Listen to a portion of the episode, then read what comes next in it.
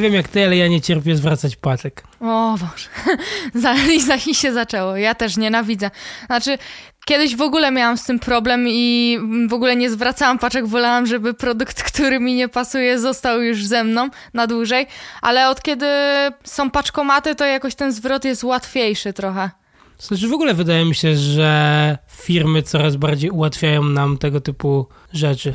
No tak, tylko właśnie chodzi o to, że ja nie bardzo lubię ten e, kontakt face to face e, nawet no, z osobą po drugiej stronie, w sensie z, tutaj, gdy chcę coś zwrócić, idę po prostu do takiego paczkomatu, wpisuję kod, jakby odbywa się to powiedzmy prawie bezobsługowo, no i, i zwrot jest nadany. I mam e, w aplikacji wszystkie dane, gdzie ta paczka jest, w jakim jest statusie, co się aktualnie z nią dzieje, więc to mi się bardzo podoba, bo nie lubię właśnie, gdybym miała na przykład pójść do żabki i e, mówić e, sprzedawcy, o, chcę zwrócić paczkę, on by się mi zadawał pytania, no to, to nie jest dla mnie. No to nie mam dla ciebie dobrych wiadomości, jak się okazuje, gdyż pionier w branży e-commerce, mianowicie Amazon, mm. bo generalnie to jest tak. Zawsze jedna firma ustala w tym biznesie trendy. Amazon ustalił już jakiś czas temu, że zwroty będą darmowe. Mhm. No i teraz niestety sam stworzył tego demona i sam musi się z nim zmierzyć. No właśnie, bo mm, jakby Amazon jest tutaj pionierem, tak jak wspomniałeś, no i teraz i wszystkie firmy musiały się również dostosować i żeby mieć jakikolwiek trafik, musiały też y, nadać y, ten darmowy zwrot, tak? W sensie musiały zacząć oferować tą usługę.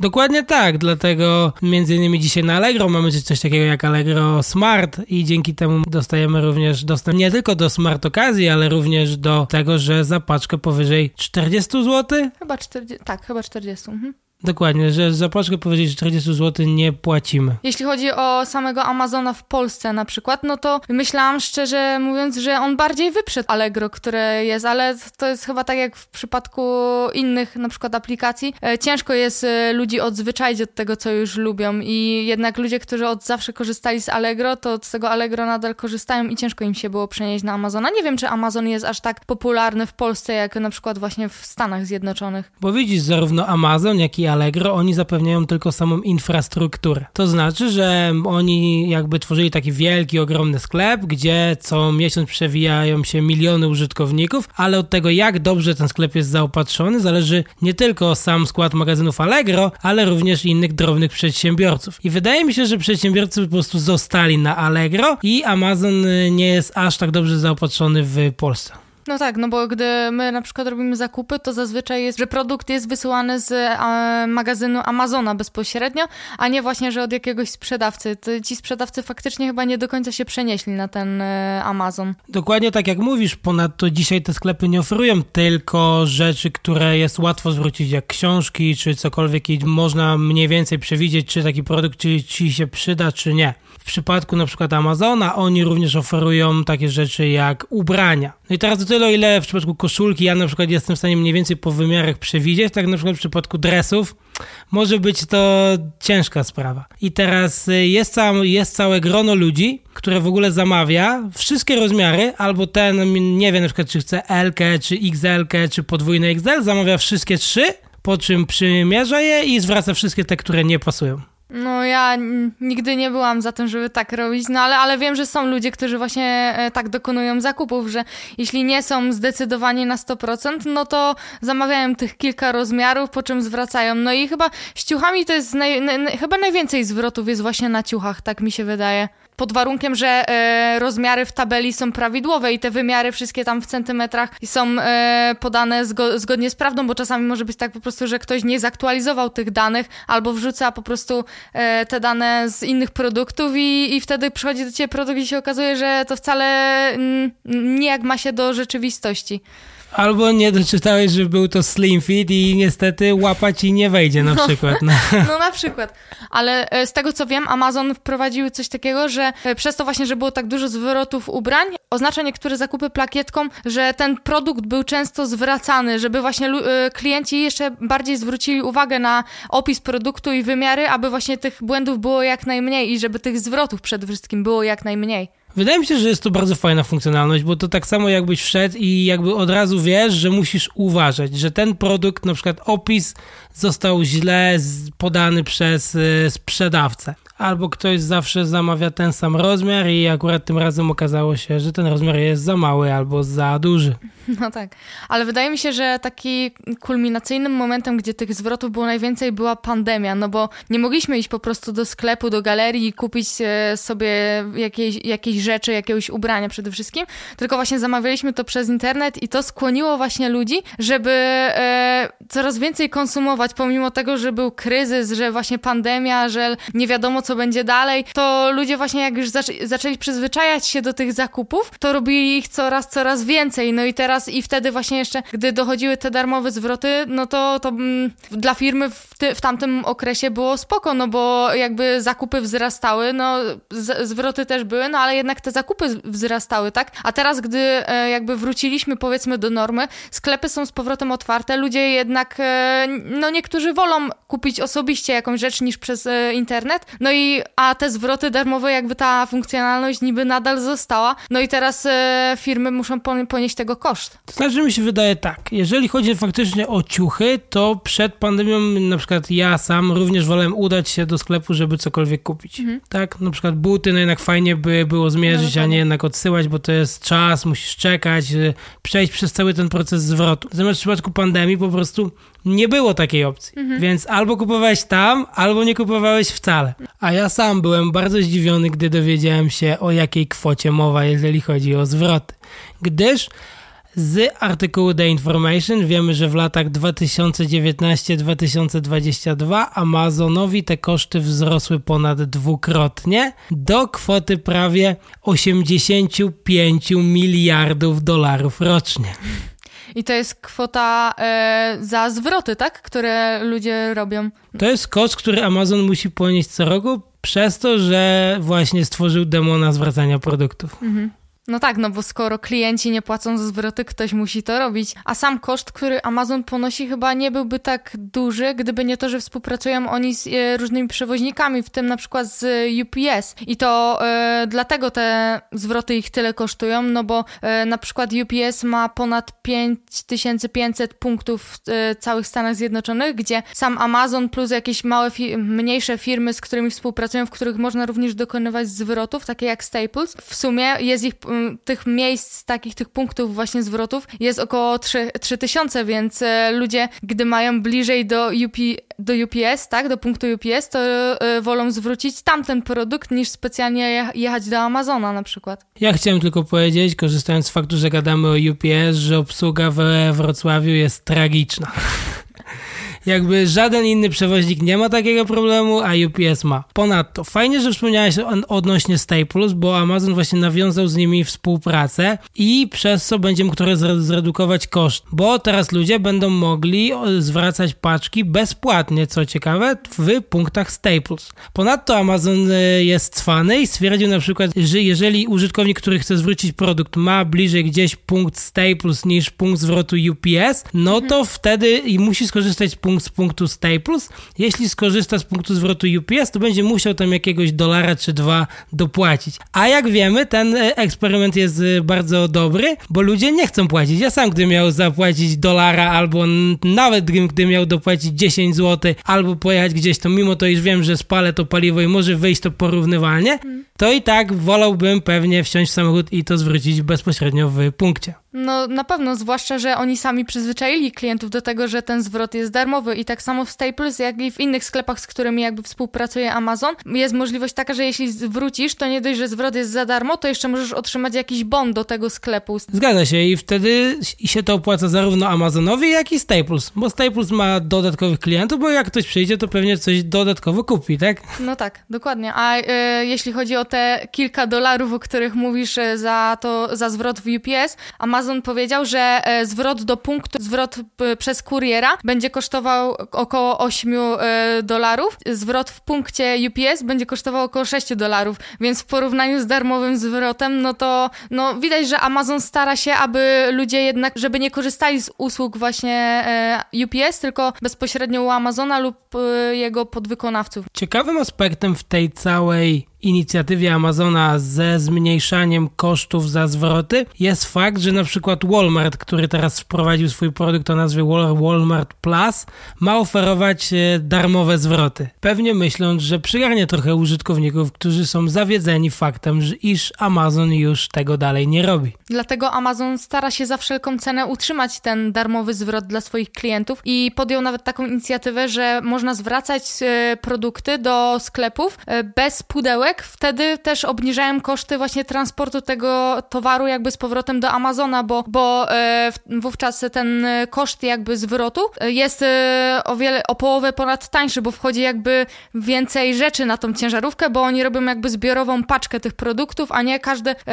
osobno składają. No ale pytanie jest też takie, dlaczego w zasadzie skoro kosztuje ich, skoro Amazon kosztuje aż tyle współpraca jakby z UPS, to dlaczego z niej nie zrezygnują? Przede wszystkim dlatego, że nie mogą. Wspomnieliśmy sami, że sami mają za mało punktów. Nawet punkty Staples nie, nie dają im w tej grze wystarczającej przewagi. Ponadto UPS ma jednak dużo większe zaplecze, dużo wię- ma dużo bardziej rozbudowaną infrastrukturę, dzięki czemu jest mu łatwiej takie usługi świadczyć. Ciekawą opcją jest fakt, że wspomniałeś, że do wielu punktów można zwracać bez opakowań te produkty. I teraz ja się z tym nie, nie spotkałem w Polsce. Spotkałeś się z tym w Polsce? No właśnie nie, no ale y, czasami po prostu jak zamawiam paczki, a jest na przykład okres, nie wiem, robimy remont czy cokolwiek i zamawiamy tych paczek więcej, to potem, gdy przy, one zaczynają spływać i widzę, ile tych śmieci się gromadzi w domu, i to tektura, i to plastik, i to wszystko, po prostu jest tego taka ogromna ilość. Ma to duży sens i myślę, że jest to na pewno eko bardziej ekologiczne, y, gdy jest robione tak zwane e, opako opakowanie no wiesz, że jest y, po prostu wysyłka zbiorcza. No tak, ale na przykład paczkomaty tego nie obsługują, no bo oni potem nie wiedzą, y, do którego sprzedawcy mają odesłać zwrot. No tak, no, no właśnie nie wiem jak to działa, czy po prostu y, oddaje się razem z paragonem, czy z mm, listem przewozowym, może, może tylko to wystarczy. No bo, ale z drugiej strony, no ten produkt niby nie jest w jakiś sposób wtedy zabezpieczony. Nie wiem dokładnie jak to wygląda, ale może po prostu pakują go w jakąś cienką foliówkę albo, albo owijają streczem, no, no, no nie wiem, no ale w każdym bądź razie tak czy inaczej y, to, to ma sens, no bo przewoźnik może przewieźć o połowę więcej produktów, no to jest to na pewno y, du duża oszczędność, no bo gdybyś miał wysłać dwie ciężarówki, a jedną, no... No zgadzam się, tylko jakby pytanie polega na tym, czy faktycznie gdzieś jakakolwiek firma takie usługi oferuje. Dajcie nam znać, bo my, my się z tym nie spotkaliśmy, hmm. a wydaje nam się, że jest to dużo lepszy pomysł na zwracanie produktów. No, tylko właśnie w przypadku paczkomatu na przykład byłoby ciężko, nie? No bo co, nie wrzucisz przecież ciucha do tej no nie mówię, że one są, że te e, skrytki są brudne, no, ale wiadomo, przewija się przez nie dziesiątki paczek, więc jakiś ślad tam po innych paczkach zostaje, no i nie możesz tak ciucha po prostu wrzucić luzem do, te, do takiej skrytki. Sprzedawca też nie, e, nie będzie zadowolony, jeśli produkt ze zwrotu do niego wróci, no i nie będzie w stanie takim, w jakim, jakim on go wysyłał, nie? No ale z tego, co mi się wydaje, to w Ameryce to też jest tak, że musisz przyjść i ktoś ten produkt musi od ciebie odebrać. No więc e, wydaje mi się, że w przypadku paczkomatów to w ogóle by nie przeszło, nie? No tak, ale nawet gdyby były punkty, gdzie mógłbyś zwrócić towar zakupiony bez tego opakowania, to i tak wydaje mi się, że byłby to ogromny plus. No tak. No ale mi się wydaje, że w takiej żabce na przykład, przykładowo, czy tam w Orlenie, no cokolwiek, mogłoby to zaistnieć, no bo przecież i tak jest ten sprzedawca, no to co to dla niego za różnica, czy weźmie paczkę, w sensie karton, czy nawet e, e, foliopak i wrzuci na magazyn, czy po prostu weźmie tą konkretną rzecz i wrzuci do jakiegoś większego kartona, w którym to wszystko jest. Z tym, że właśnie musi być jakoś przytwierdzony ten zwrot. Wszystko zależy od tego, jak to będzie rozwiązane, bo jeżeli to pracownik będzie musiał te paczki pakować, to pewnie dla niego będzie to miało jakiekolwiek no, znaczenie. Niego, no tak, no i on na pewno będzie musiał być bardziej uważny, żeby tej rzeczy nie zniszczyć, no bo nie jest ona wtedy w żaden sposób zabezpieczona. No, no dobra, ale jest jeszcze jeden istotny fakt, który musimy poruszyć. W tej nowej inicjatywie Amazona odnośnie zmniejszania kosztów i jego partnerstwie ze Staples jest jeszcze strona trzecia, mianowicie UPS. Oni chcą ograniczyć ceny mhm. robienia biznesu z UPS, dlatego iż im się bardziej opłaca robić taki biznes ze Staples aktualnie. Co ciekawe, gdy zrobią coś takiego, oni się boją odwetu ze strony UPS, że UPS wtedy im podniesie ceny za takowe paczki. No bo umówmy się, czym więcej biznesu robisz, czym więcej paczek zwracasz lub wysyłasz UPS-em, tym lepsze ceny dostajesz. Pytanie, czy UPS tych cen nie zawyży, skoro oni jakby starają się e, te zwroty nadawać przez kogoś innego. No dokładnie chcą, żeby to odbiorca sam ten zwrot dostarczył bezpośrednio najlepiej do ich punktu, a jak mhm. nie, to do punktu, z którym mają podpisaną umowę. I teraz jakby sytuacja jest dużo bardziej ciekawa, bo zarówno rzecznik do spraw prasowych Amazona, jak i UPS odmówili komentarza w tej sprawie, mówiąc, że póki co na razie bardzo przyjemnie im się ze sobą pracuje. Natomiast wiemy już, jakie pomysły potrafi mieć Amazon i wiemy, w którą stronę on aktualnie zamierza dążyć. Być może dogadają się, jak to się mówi, off the record i wtedy dojdzie do jakiegoś porozumienia i Amazon nie będzie musiał dalej takich rzeczy robić, ale zobaczymy, jak to się będzie rozwijać. Tym bardziej Amazon też y, nie daje nam informacji, czy to ta ich strategia działa, czy ludzie faktycznie zwracają te rzeczy dzięki tej, właśnie ze względu na tą darmową, darmowy zwrot do tych punktów czy do Amazona, czy jednak nadal kierują się do e, punktów UPS? Amazon już odnotował spadek e, zwracania paczek e, metodą e, tradycyjną, to znaczy dostarczania do, kurier, do kuriera. Mhm i on przyjeżdża i tą paczkę zabiera. Oni już teraz, przez to, że Amazon właśnie również wprowadził opłatę w stylu właśnie tam śmieszną, w stylu dolara, mhm to ludzie już wolą jechać i już te koszty udało im się zredukować, więc to na pewno działa i oni na pewno w to pójdą. Tylko pytanie na jaką skalę mhm. i jak duże będzie to przedsięwzięcie,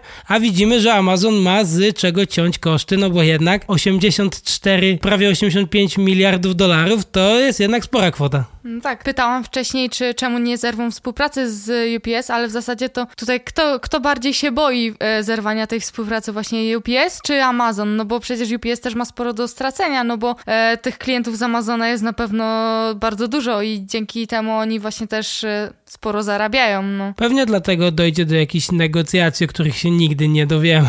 No, pewnie tak. A teraz zapraszamy na przerwę.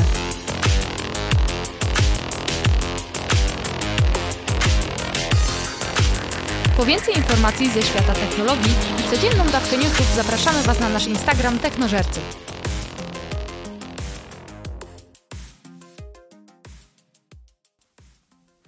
Wracamy po przerwie.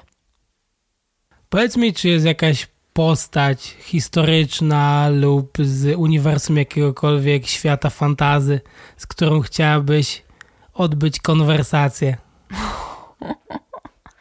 Dobre pytanie. No na pewno jest wiele takich e, postaci, ale myślę, że chciałabym zamienić słów kilka z Pocahontas.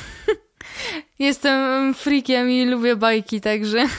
Ale czemu akurat Pocahontas? Wiadomo, że to postać fikcyjna, no ale podobało mi się jej spojrzenie na świat. Jakby to jest spojrzenie, którego już za bardzo nie, nie da się uświadczyć w realnym życiu. A czego byś po takowej konwersacji oczekiwała?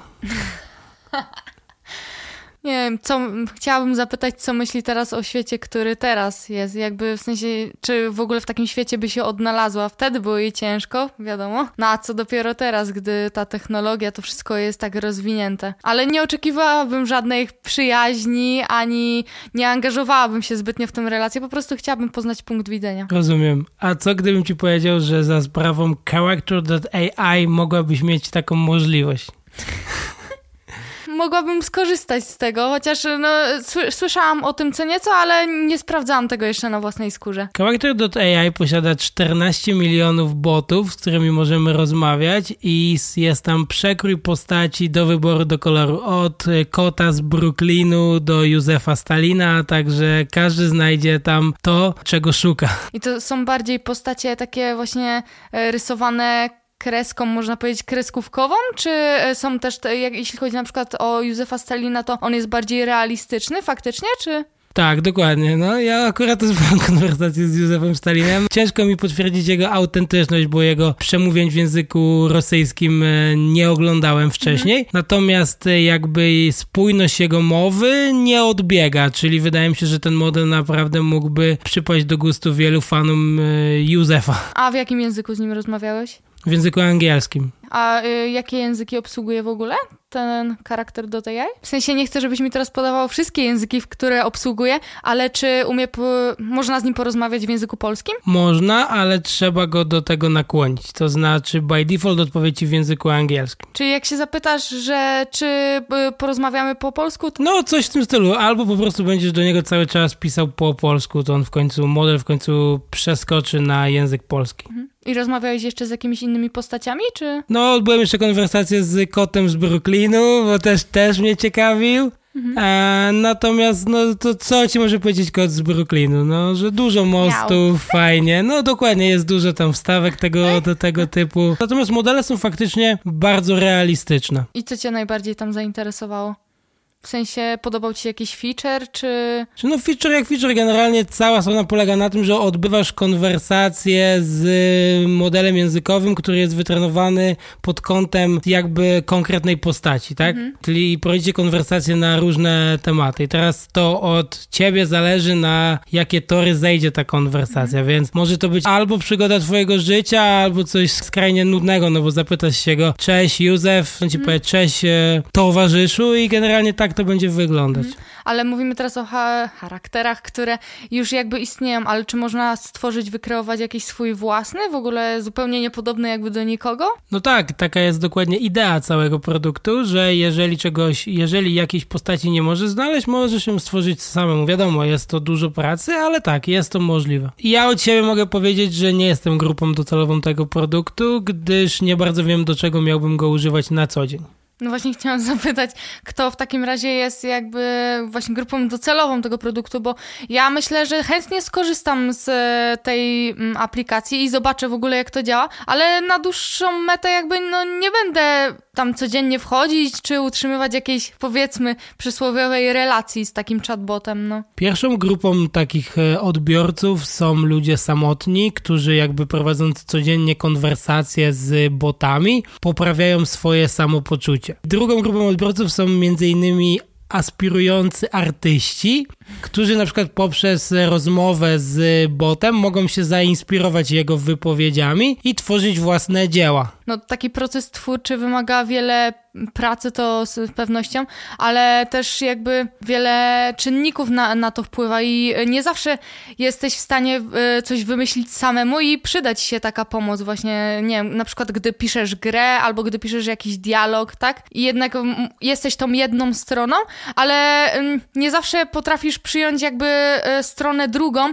bo jest ona zbyt po, podobna do twojej, a tutaj masz jakby całkiem inną osobę powiedzmy i zdanie też jest inne wtedy. I wtedy e, tym samym dialog staje się ciekawszy po prostu. Podobała mi się też opinia właśnie jednej z takich artystek, która powiedziała, że musi sobie cały czas przypominać, że po drugiej stronie nie ma nikogo, i że ona tak naprawdę rozmawia z modelem językowym. No właśnie, no bo to może być dosyć zgubne, jeśli ktoś ci y, odpowiada i w sensie w taki y, dobry sposób, dobry złożony. Te, te wypowiedzi się zgadzają, jakby one nie są jakieś odrealnione i to po prostu jak im będziesz dłużej pisał, to właśnie możesz zapomnieć, że tak naprawdę tam nikogo po tej drugiej stronie nie ma i piszesz yy, po prostu ze sztuczną inteligencją. No. Zgadza się, ona prowadziła wielogodzinne konwersacje na temat egzystencji i właśnie stąd mhm. jej wątpliwości, że po prostu musiała sobie sama przypominać o tym, że po drugiej stronie nikogo nie ma. No właśnie, no bo można się tak zatracić i spędzić wiele godzin.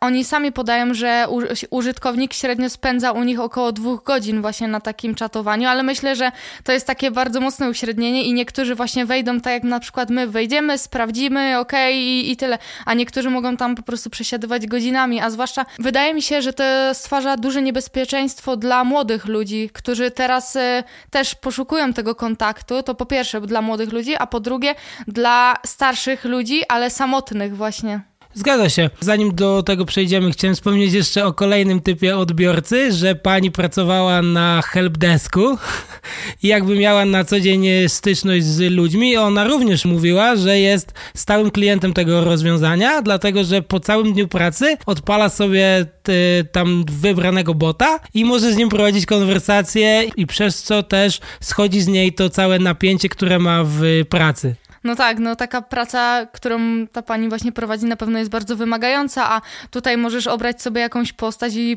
porozmawiać z nią w ogóle na całkowicie inny temat i właśnie odciąć się trochę od tej pracy, której, no, która akurat w jej przypadku może być dosyć przytłaczająca. Myślę, że nie trudno sobie wyobrazić takiego potencjalnego klienta, po którym ta pani musiała odreagowywać. Natomiast wspomniałeś wcześniej o osobach młodych i sami twórcy zapytani, kto jest ich grupą docelową, wspomnieli o młodych dorosłych. Przez to pojęcie rozumieją osoby, które mają w Stanach Zjednoczonych 13 lat i więcej, a w Unii Europejskiej 16 lat i więcej. Mhm.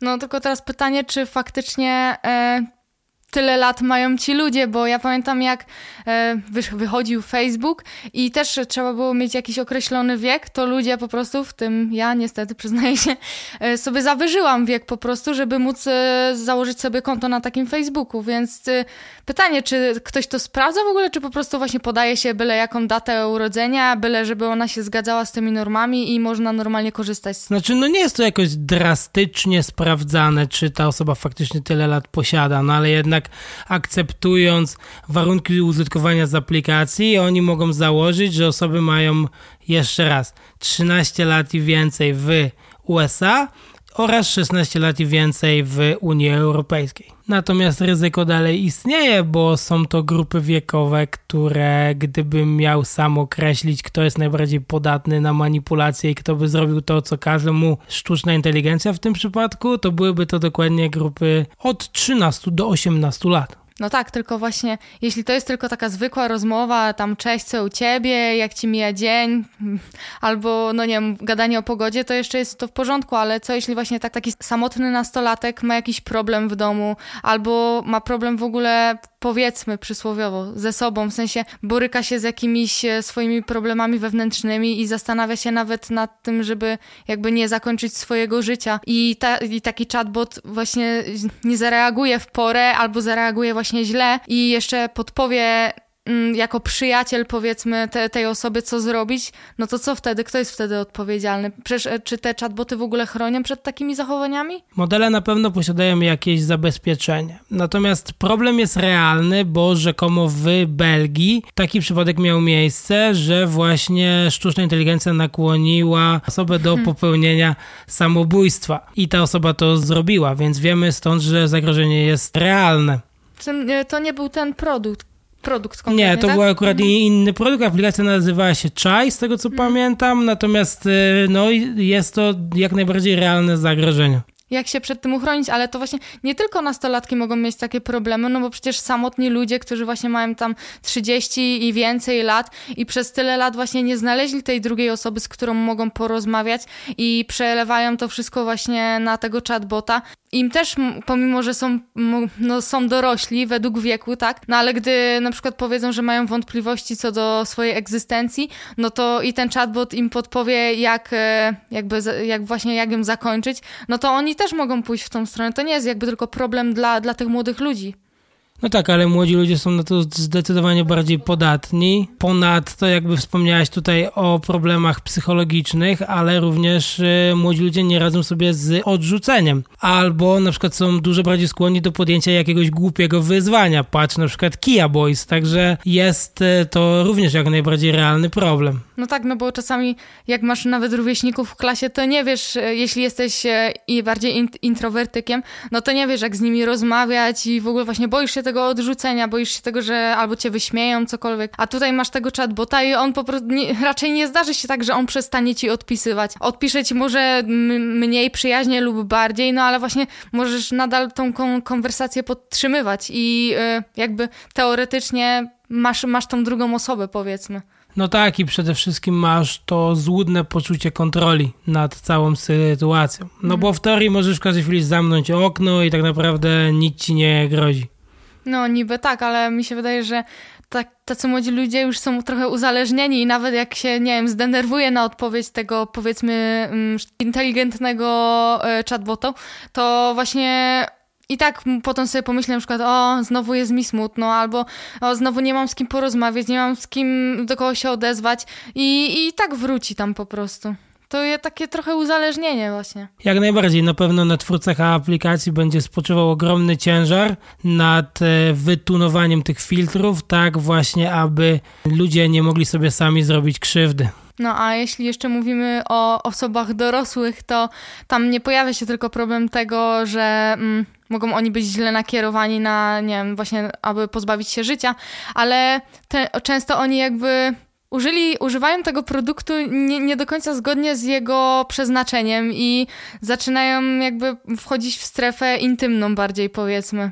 Chodzi ci o to, iż chatbot do AI nie supportuje pornografii. Tak, dokładnie. Chociaż właśnie niektórzy bardzo by chcieli.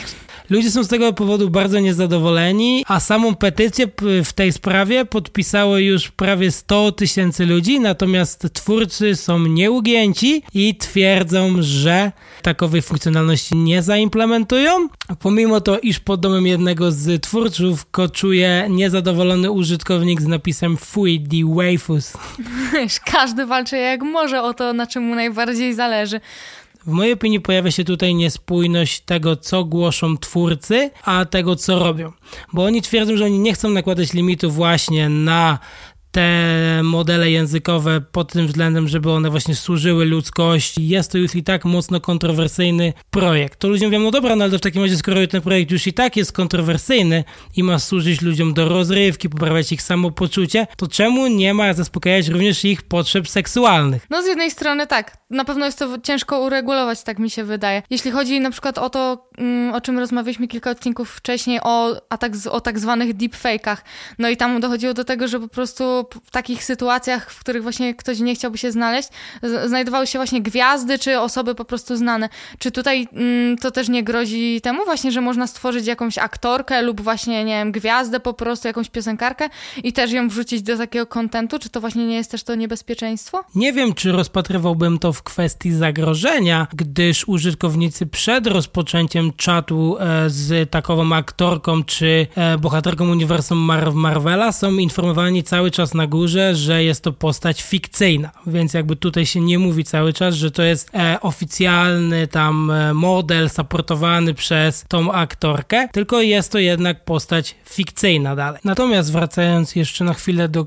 kontentu pornograficznego, uważam, iż twórcy nie chcą go supportować z dwóch prostych względów. Po pierwsze, tak jak już mówiliśmy wcześniej, na tego typu kontencie nie będzie chciał się reklamować żaden potencjalny reklamodawca. No a po drugie, nie wiadomo, bardzo ciężko jest przewidzieć, w którą stronę, że tak powiem, upodobania ludzi mogą pójść i do jakich jeszcze problemów w przyszłości mogłaby takowa decyzja doprowadzić. Mi chodziło też o to, że czy na przykład te gwiazdy których model zostanie stworzony, nie będą pozywały po prostu charakter AI do AI. Nie jesteś jedyną osobą, która się nad, która się nad tym zastanawia. E, natomiast sami twórcy powiedzieli, że oni jak najbardziej supportują prawa autorskie. Firmy zajmujące się wizerunkiem tego typu e, aktorek odmówiły komentarza w tej sprawie, czyli jakby nie do końca wiemy, czy będą pozywały, czy nie będą pozywały. Póki co takowych problemów nie ma. Ale mówimy o tym, ile produkt ma funkcjonalności i wydaje się to sporo pracy, no i sporo pieniędzy, ale z tego co wiemy,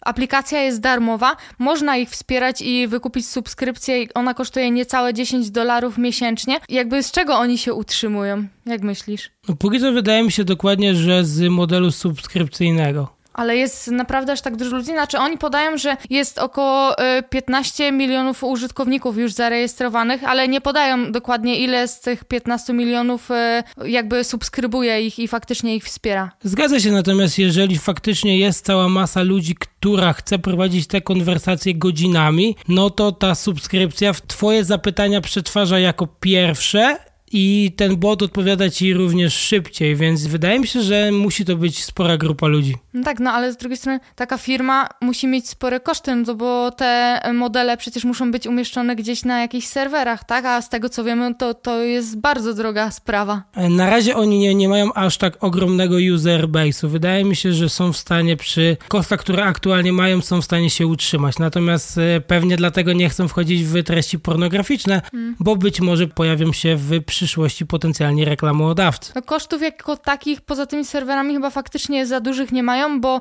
jak podają, ich firma składa się z około 30 pracowników, z czego 25 to inżynierowie, w tym ponad połowa, która pracowała wcześniej w Google, zresztą tak samo jak i e, twórcy tego właśnie charakter.ai. No tak i cała masa ludzi zadaje sobie pytanie, dlaczego tych dwóch panów zdecydowało się na stworzenie takiego produktu, podczas gdy by tylko chcieli, mogli się w AI zająć czym tylko chcieli, gdyż ich CV e, było naprawdę imponujące i jeden z nich pracował nad modelem językowym Lambda, a na przykład sam BART jest oparty na modelu językowym Lambda 2. Tam po prostu w Google, gdzie pracowali, ograniczały ich po prostu inne odgórne wytyczne i w zasadzie właśnie nie do końca mogli się rozwijać w takim zakresie jak chcieli i stwierdzili, że jeśli faktycznie chcą stworzyć coś nowego, innowacyjnego i chcą mieć wolną powiedzmy rękę w miarę, no to muszą się po prostu odłączyć i stworzyć e, tą firmę sami od nowa. Zgadza się, ponadto doszło tam do incydentu, iż jeden z pracowników po zaprezentowaniu modelu Lambda w wersji pierwszej stwierdził, że ten model jest istotą rozumną, i mimo to, iż twórcy nie podzielali tego poglądu, od tamtej pory zaczęli zwracać uwagę na to, że ludzie mogą myśleć, iż ten model jest świadomy, no bo posiada ku temu jakby według niektórych ludzi predyspozycję. No tak, on właśnie ten model jakby przekłamywał niektóre rzeczy, to na pewno, i podawał fałszywe informacje, opisywał jak takie samobójstwo popełnić i no i to było niedopuszczalne właśnie przez to, żeby tak duża firma jak Google mogła wypuścić w ogóle coś takiego. Jeśli ktoś z Was się zastanawia, jak wyglądałby świat, gdyby każdy z nas miał swojego towarzysza AI, to jest takowy film z 2013 roku o nazwie Ona i można go sobie w wolnej chwili obejrzeć ta historia, która się tam wydarzyła, jakby ma miejsce teraz. No dokładnie, mogłaby mieć miejsce dokładnie mm -hmm. teraz. A teraz zapraszamy na przerwę, po której nastąpi runda podsumowująca.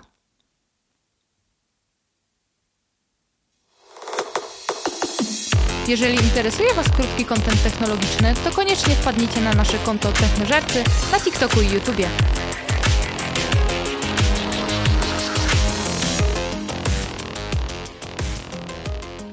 Runda podsumowująca.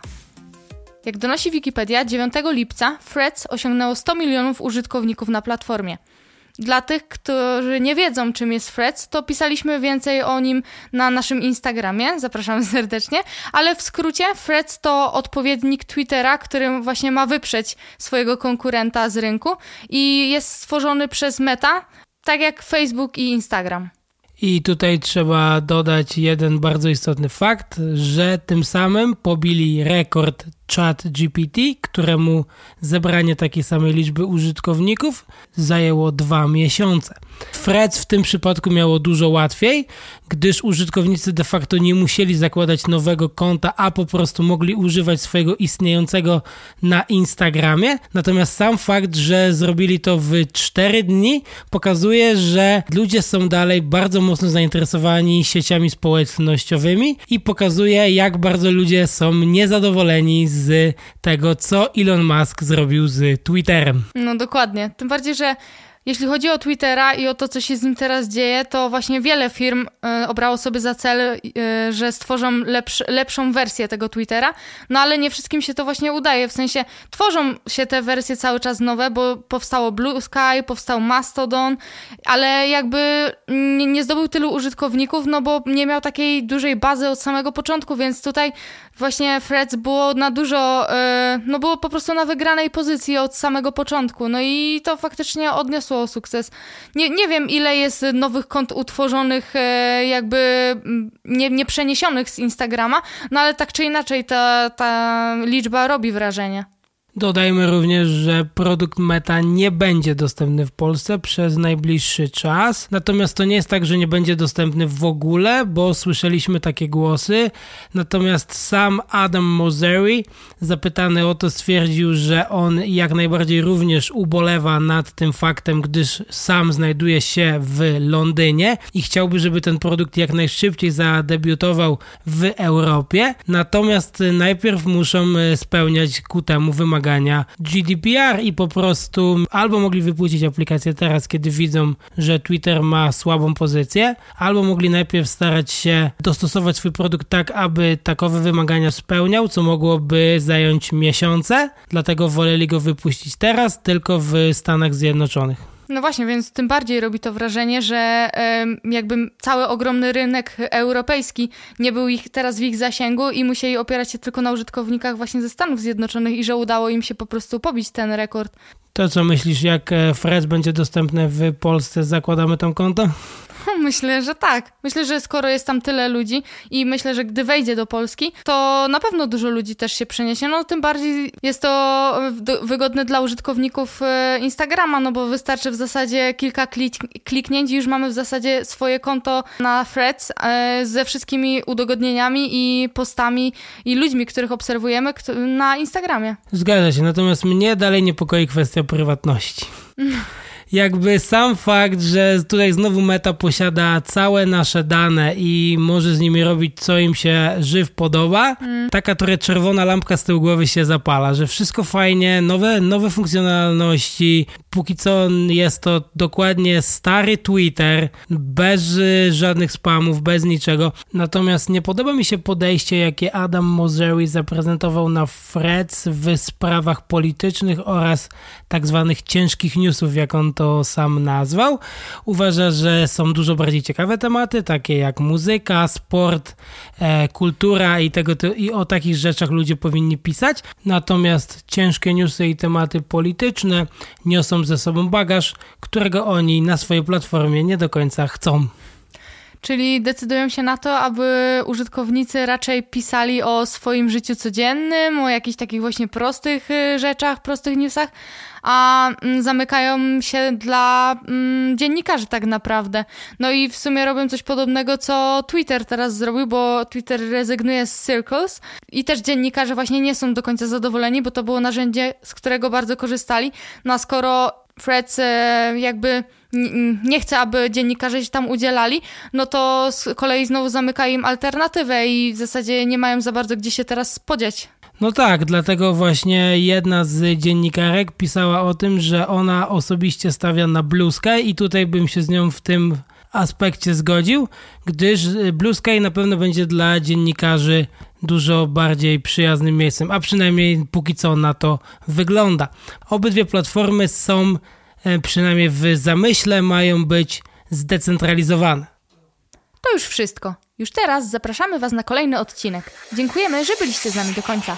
Jeśli subskrybujesz już ten podcast, to doczekałeś się wave'u na character.ai, a jeśli nie, to pod Twoim oknem stoi niezadowolony użytkownik. Koniecznie podzielcie się z nami swoimi przemyśleniami na temat character.ai. Czekamy na Wasze maile pod adresem feedback małpa. Zapraszamy Was też na naszego Instagrama, TikToka i YouTube. Do usłyszenia!